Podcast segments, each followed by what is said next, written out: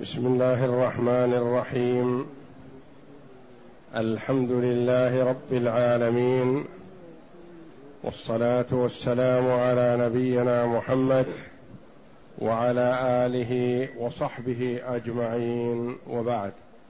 بسم الله. أعوذ بالله من الشيطان الرجيم. علمه شديد القوى. ذو مرة فاستوى.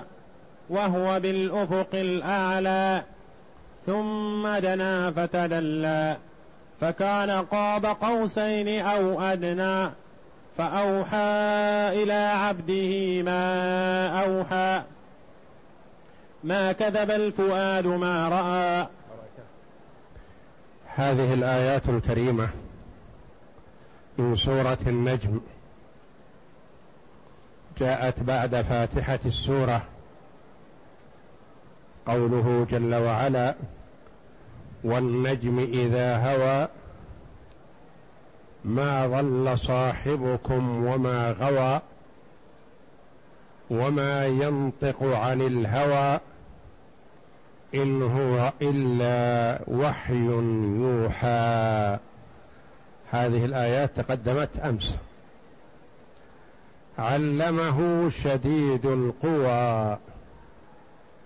ذو مرة فاستوى وهو بالأفق الأعلى ثم دنا فتدلى فكان قاب قوسين أو أدنى فأوحى إلى عبده ما أوحى ما كذب الفؤاد ما رأى. قوله جل وعلا علمه شديد القوى. قوله جل وعلا قبلها ما ينطق عن الهوى إن هو أي كلامه صلى الله عليه وسلم إلا وحي وأكده بقوله يوحى. ليس مجازا بل هو وحي يوحى حقيقة. من أين أتاه؟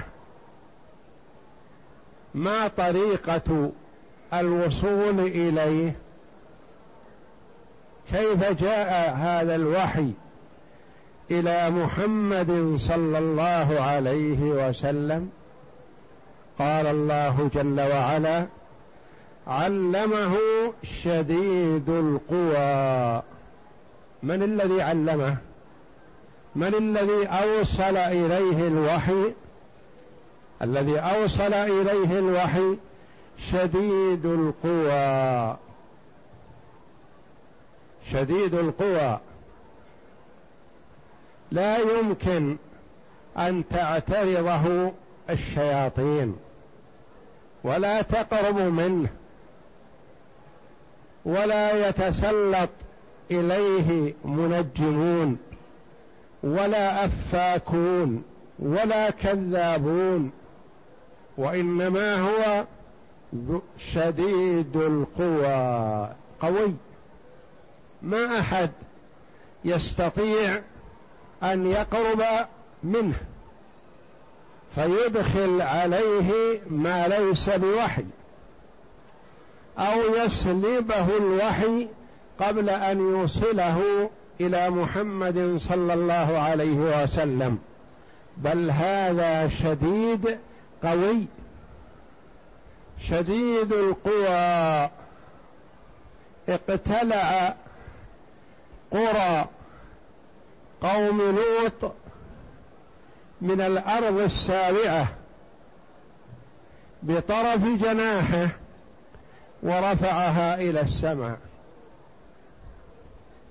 قرى ليست قرية واحدة قيل أنها سبع.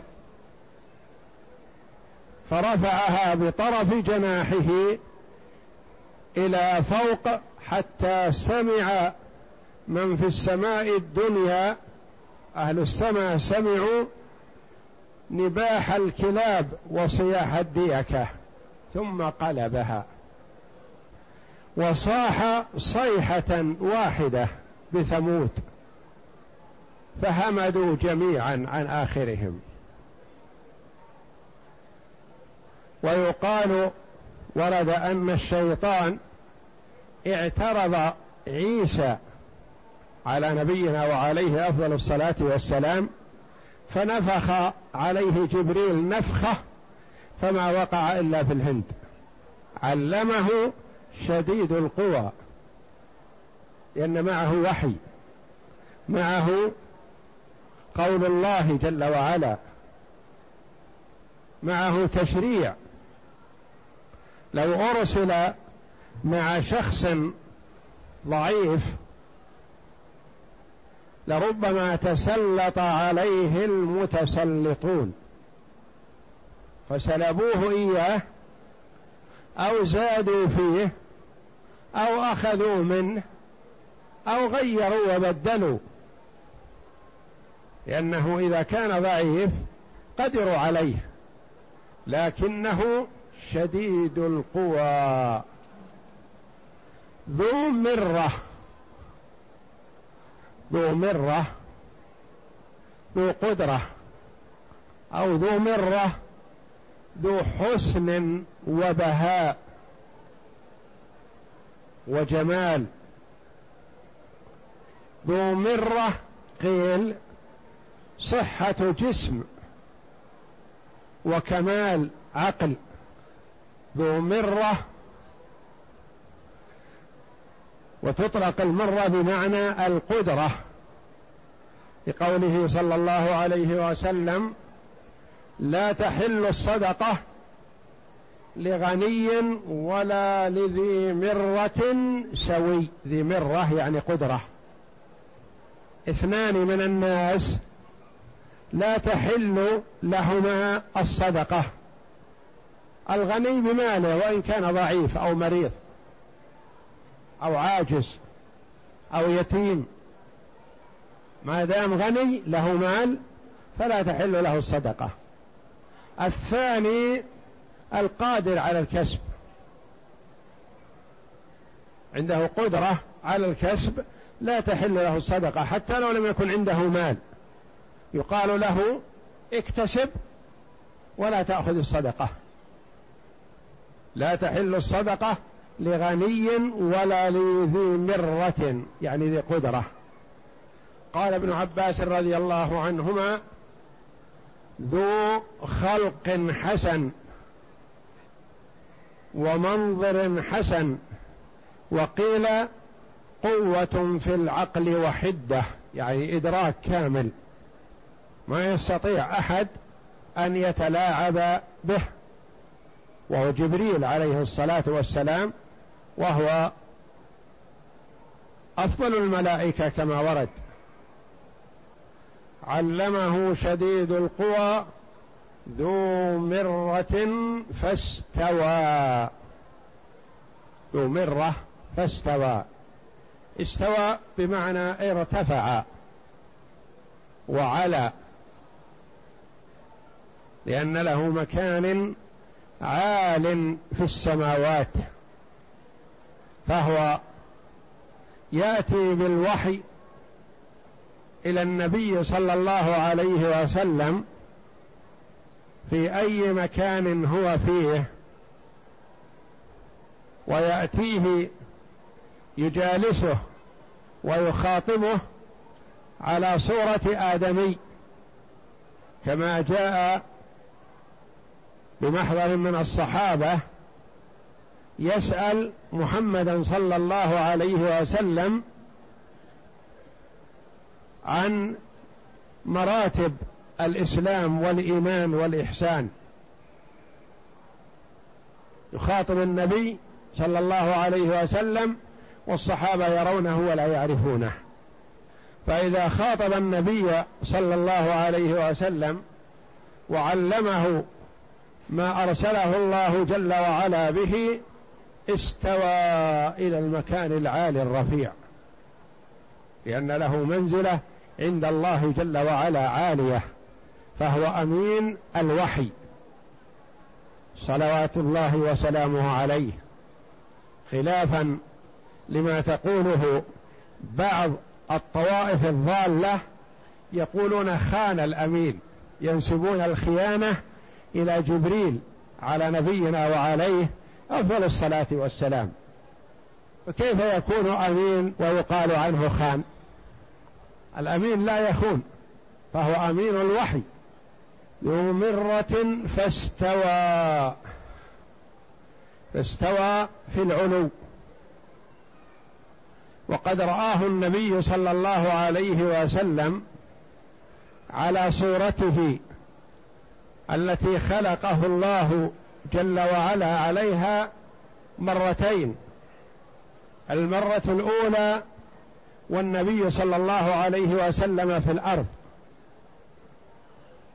رآه في الأفق وقد سد الأفق. وله ستمائة جناح. فسقط النبي صلى الله عليه وسلم مغشيا عليه. لما رأى صورة جبريل عليهما الصلاة والسلام. فأسرع جبريل إلى النبي صلى الله عليه وسلم وجاءه في صورته التي يأتيه بها وضمه وهدأه وسكن روعه عليهما الصلاة والسلام. فهو يأتي النبي صلى الله عليه وسلم في صورة آدمي. وقد أتاه وعنده عائشة رضي الله عنها في صورة رجل من مشاهير العرب دحية الكلبي فعائشة رضي الله عنها تراه وتظنه ذلك الرجل. وكما يأتي الأنبياء عليهم الصلاة والسلام قبل نبينا محمد صلى الله عليه وسلم في صورة آدمي لأنه ألطف وأرفق بهم فهم لا يتحملون رؤيته على صورته التي خلقه الله جل وعلا عليها لا يطيقون ذلك في الدنيا. المرة الثانية رآه النبي صلى الله عليه وسلم في السماوات العلى. لما عرج بالنبي صلى الله عليه وسلم إلى السماوات العلى وفرض الله جل وعلا عليه على محمد صلى الله عليه وسلم الصلوات الخمس. رأى جبريل هناك على صورته التي خلقه الله جل وعلا عليها.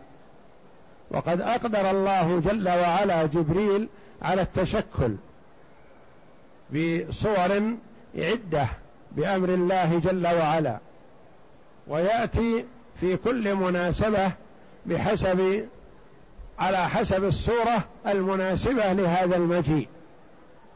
أحيانا يأتي مع النبي للقتال للجهاد في سبيل الله وأحيانا يأتي معه للوحي يوحي إليه. وأحيانا يأتيه بصورة السائل المسترشد السائل عن أحكام الدين من أجل أن يسمع الحاضرون فيستفيدوا. فقد سأله النبي صلى الله عليه وسلم أن يريه نفسه التي جبله الله عليها فأراه نفسه مرتين مرة في الأرض والنبي صلى الله عليه وسلم في غار حراء.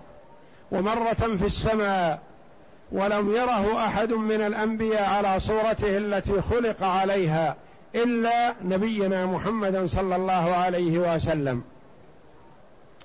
وقيل المعنى في قوله ذو مرة فاستوى أي استوى القرآن ثبت واستقر في صدر النبي صلى الله عليه وسلم بلا زيادة ولا نقص. وهو بالأفق الأعلى.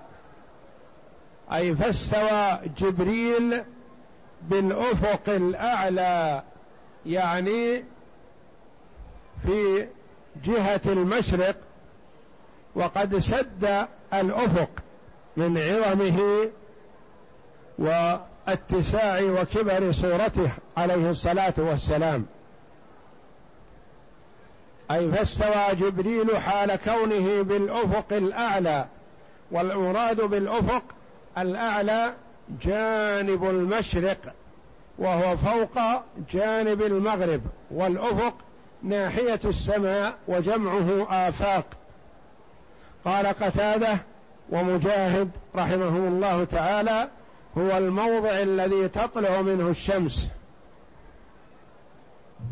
وعن ابن مسعود رضي الله عنه أن النبي أن رسول الله صلى الله عليه وسلم لم يرى جبريل في صورته إلا مرتين.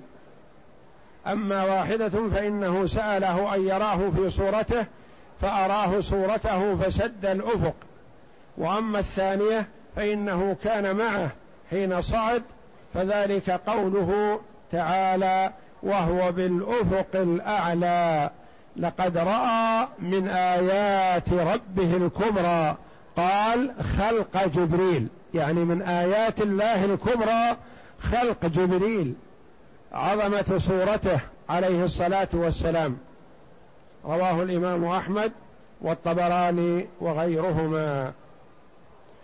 وعنه أن النبي صلى الله عليه وسلم قال رأيت جبريل عند سدرة المنتهى. له ستمائة جناح. أخرجه أبو الشيخ وابن جرير وأحمد وعن ابن عباس قال الأفق الأعلى مطلع الشمس. ثم دنا فتدلى. يقول تعالى مخبرا عن عبده ورسوله محمد صلى الله عليه وسلم أنه علمه الذي جاء به إلى الناس شديد القوى وهو جبريل عليه الصلاة والسلام. كما قال تعالى إنه لقول رسول كريم ذي قوة عند ذي العرش مكين. الذي هو جبريل عليه السلام. نعم. ذي قوة عند ذي العرش مكين مطاع ثم أمين. وقال ها هنا ذو مرة أي ذو قوة. الله جل وعلا أمنه وبعض الطوائف الضالة يخونونه. نعم. قاله مجاهد والحسن وابن زيد وقال ابن عباس ذو منظر حسن وقال قتادة ذو خلق طويل حسن ولا منافاة بين القولين فإنه عليه السلام ذو منظر حسن وقوة شديدة وقد ورد في الحديث الصحيح من رواية عمر وأبي هريرة أن النبي صلى الله عليه وسلم قال لا تحل الصدقة لغني ولا لذي مرة سوي. وقوله وقوله ثم دنا فتدلى. دنا جبريل من النبي صلى الله عليه وسلم. وذلك أن النبي صلى الله عليه وسلم كان في غار حراء. فسأل جبريل أن يريه صورته. فأراه إياه فلما برز النبي صلى الله عليه وسلم من الغار من غار حراء وإذا جبريل قد سد الأفق. فارتاع لذلك النبي صلى الله عليه وسلم وسقط على الأرض مغشيا عليه فمثل فبلمح البصر جاء جبريل على الصورة التي يعرف النبي صلى الله عليه وسلم دنا فتدلى وقرب من النبي صلى الله عليه وسلم ومسح التراب عن وجهه وأمن روعه عليهما الصلاة والسلام.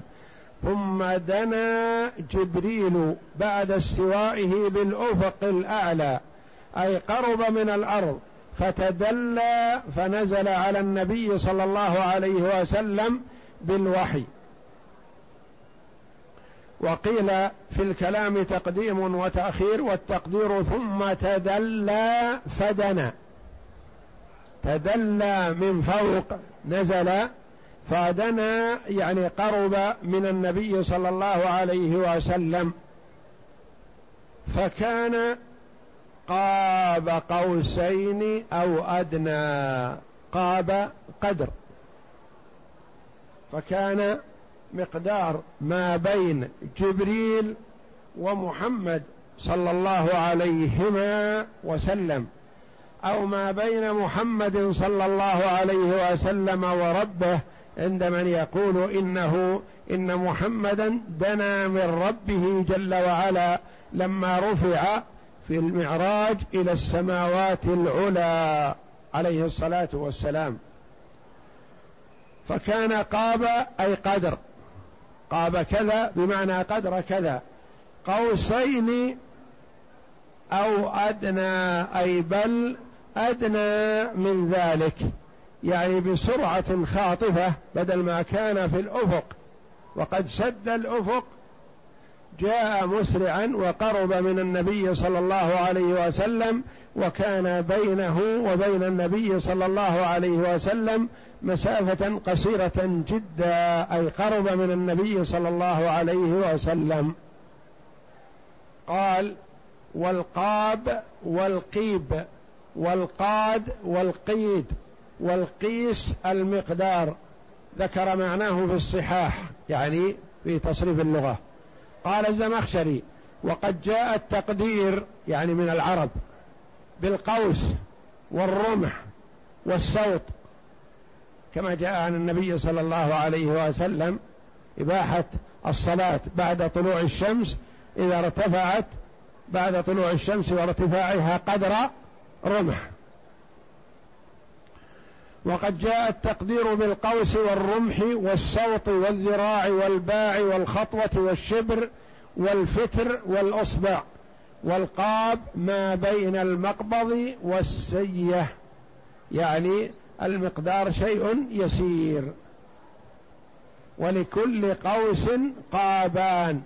يعني الطرف القوس وطرفيه الآخرين. وقال سعيد بن المسيب رحمه الله القاب صدر القوس العربية حيث يشد عليه السير الذي يتنكبه صاحبه. ولكل قوس قاب واحد. فأخبر أن جبريل قرب من محمد صلى الله عليه وسلم كقرب قاب القوسين قاب قوسين. قال الزجاج أي فيما تقدرون أنتم. والله سبحانه وتعالى عالم بمقادير الأشياء ولكنه يخاطبنا على ما جرت به عادة المخاطبة فيما بيننا. وقد اختلف علماء السلف رحمهم الله في رؤية النبي صلى الله عليه وسلم لربه. هل رأى النبي صلى الله عليه وسلم ربه؟ وهل كانت رؤيته بعيني رأسه أم رؤيته إياه بقلبه؟ أقوال للعلماء رحمهم الله عند علماء السلف رحمهم الله ذكرت. في مواطنها. فقد أخرج البخاري ومسلم وغيرهما عن ابن مسعود رضي الله عنه في هذه الآية قال رأى النبي صلى الله عليه وسلم جبريل له ستمائة جناح. وعنه قال في الآية دنا جبريل منه حتى كان قدر ذراع أو ذراعين. وبه قال ابن عباس والحسن وعائشة وقتادة. وقال ابن عباس ألقاب القيد والقوسين الذراعين. وعن أبي سعيد قال لما أسري بالنبي صلى الله عليه وسلم اقترب من ربه فكان قاب قوسين أو أدنى. ألم تر إلى القوس ما أقربها من الوتر؟ وعن أنس رضي الله عنه ودنا الجبار رب العزة حتى كان منه قاب قوسين أو أدنى وهذه رواية عن سلمة عن ابن عباس وفيه جهالة وقال الضحاك نحو ما قال أنس. أو أدنى أو بمعنى بل أو بمعنى الواو لأن الشك لا يأتي من الله جل وعلا لأن الله جل وعلا عالم بكل شيء. فيكون بمعنى بل أدنى من ذلك أو وأدنى من ذلك. لأن أو تدل على الشك والله جل وعلا لا شك لا يشك في شيء ما بل كل شيء عنده بعلم حقيقي متأكد. فأو بمعنى الواو وقيل بمعنى بل والأول أولى أي أنها بمعنى الواو وأدنى. كقوله جل وعلا أو يزيدون فأرسلناه إلى مائة ألف أو يزيدون يعني بمعنى ويزيدون أو بمعنى بل يزيدون عن مائة ألف. قال لما رأى النبي صلى الله عليه وسلم جبريل عليه السلام على صورة الآدمي سأله عند الأفق الأعلى أن يراه على صورته التي خلق عليها؟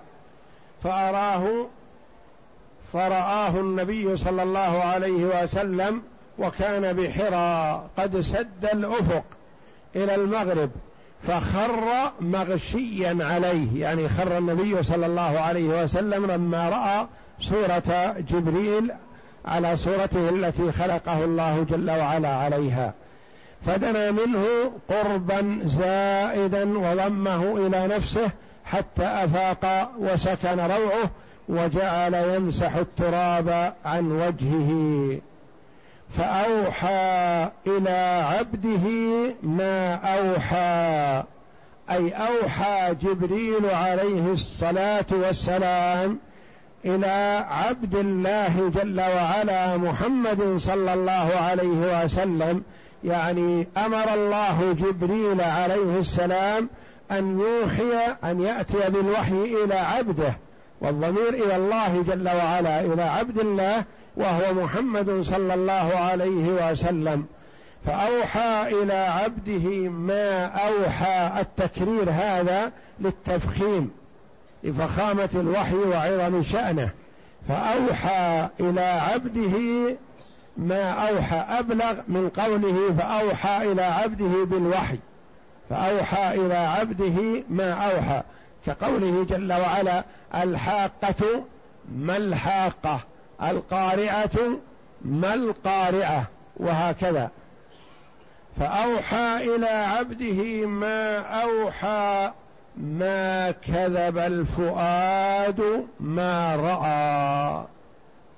ما كذب فؤاد النبي صلى الله عليه وسلم.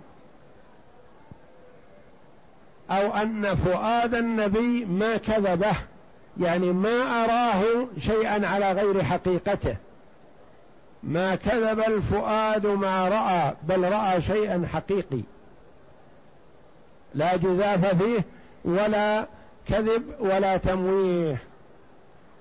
ما كذب الفؤاد ما رأى أي ما كذب فؤاد محمد صلى الله عليه وسلم ما رآه بصره ليلة المعراج رؤية حقيقية. يقال ما كذب الفؤاد ما رأى وهذه الآيات فيها التزكية الكاملة من الله جل وعلا لرسوليه من الملائكة ومن الآدميين. لجبريل ولمحمد صلى الله عليه وسلم فجبريل أفضل الملائكة ومحمد أفضل الرسل صلوات الله وسلامه عليهما. والله أعلم وصلى الله وسلم وبارك على عبده ورسول نبينا محمد وعلى آله وصحبه أجمعين.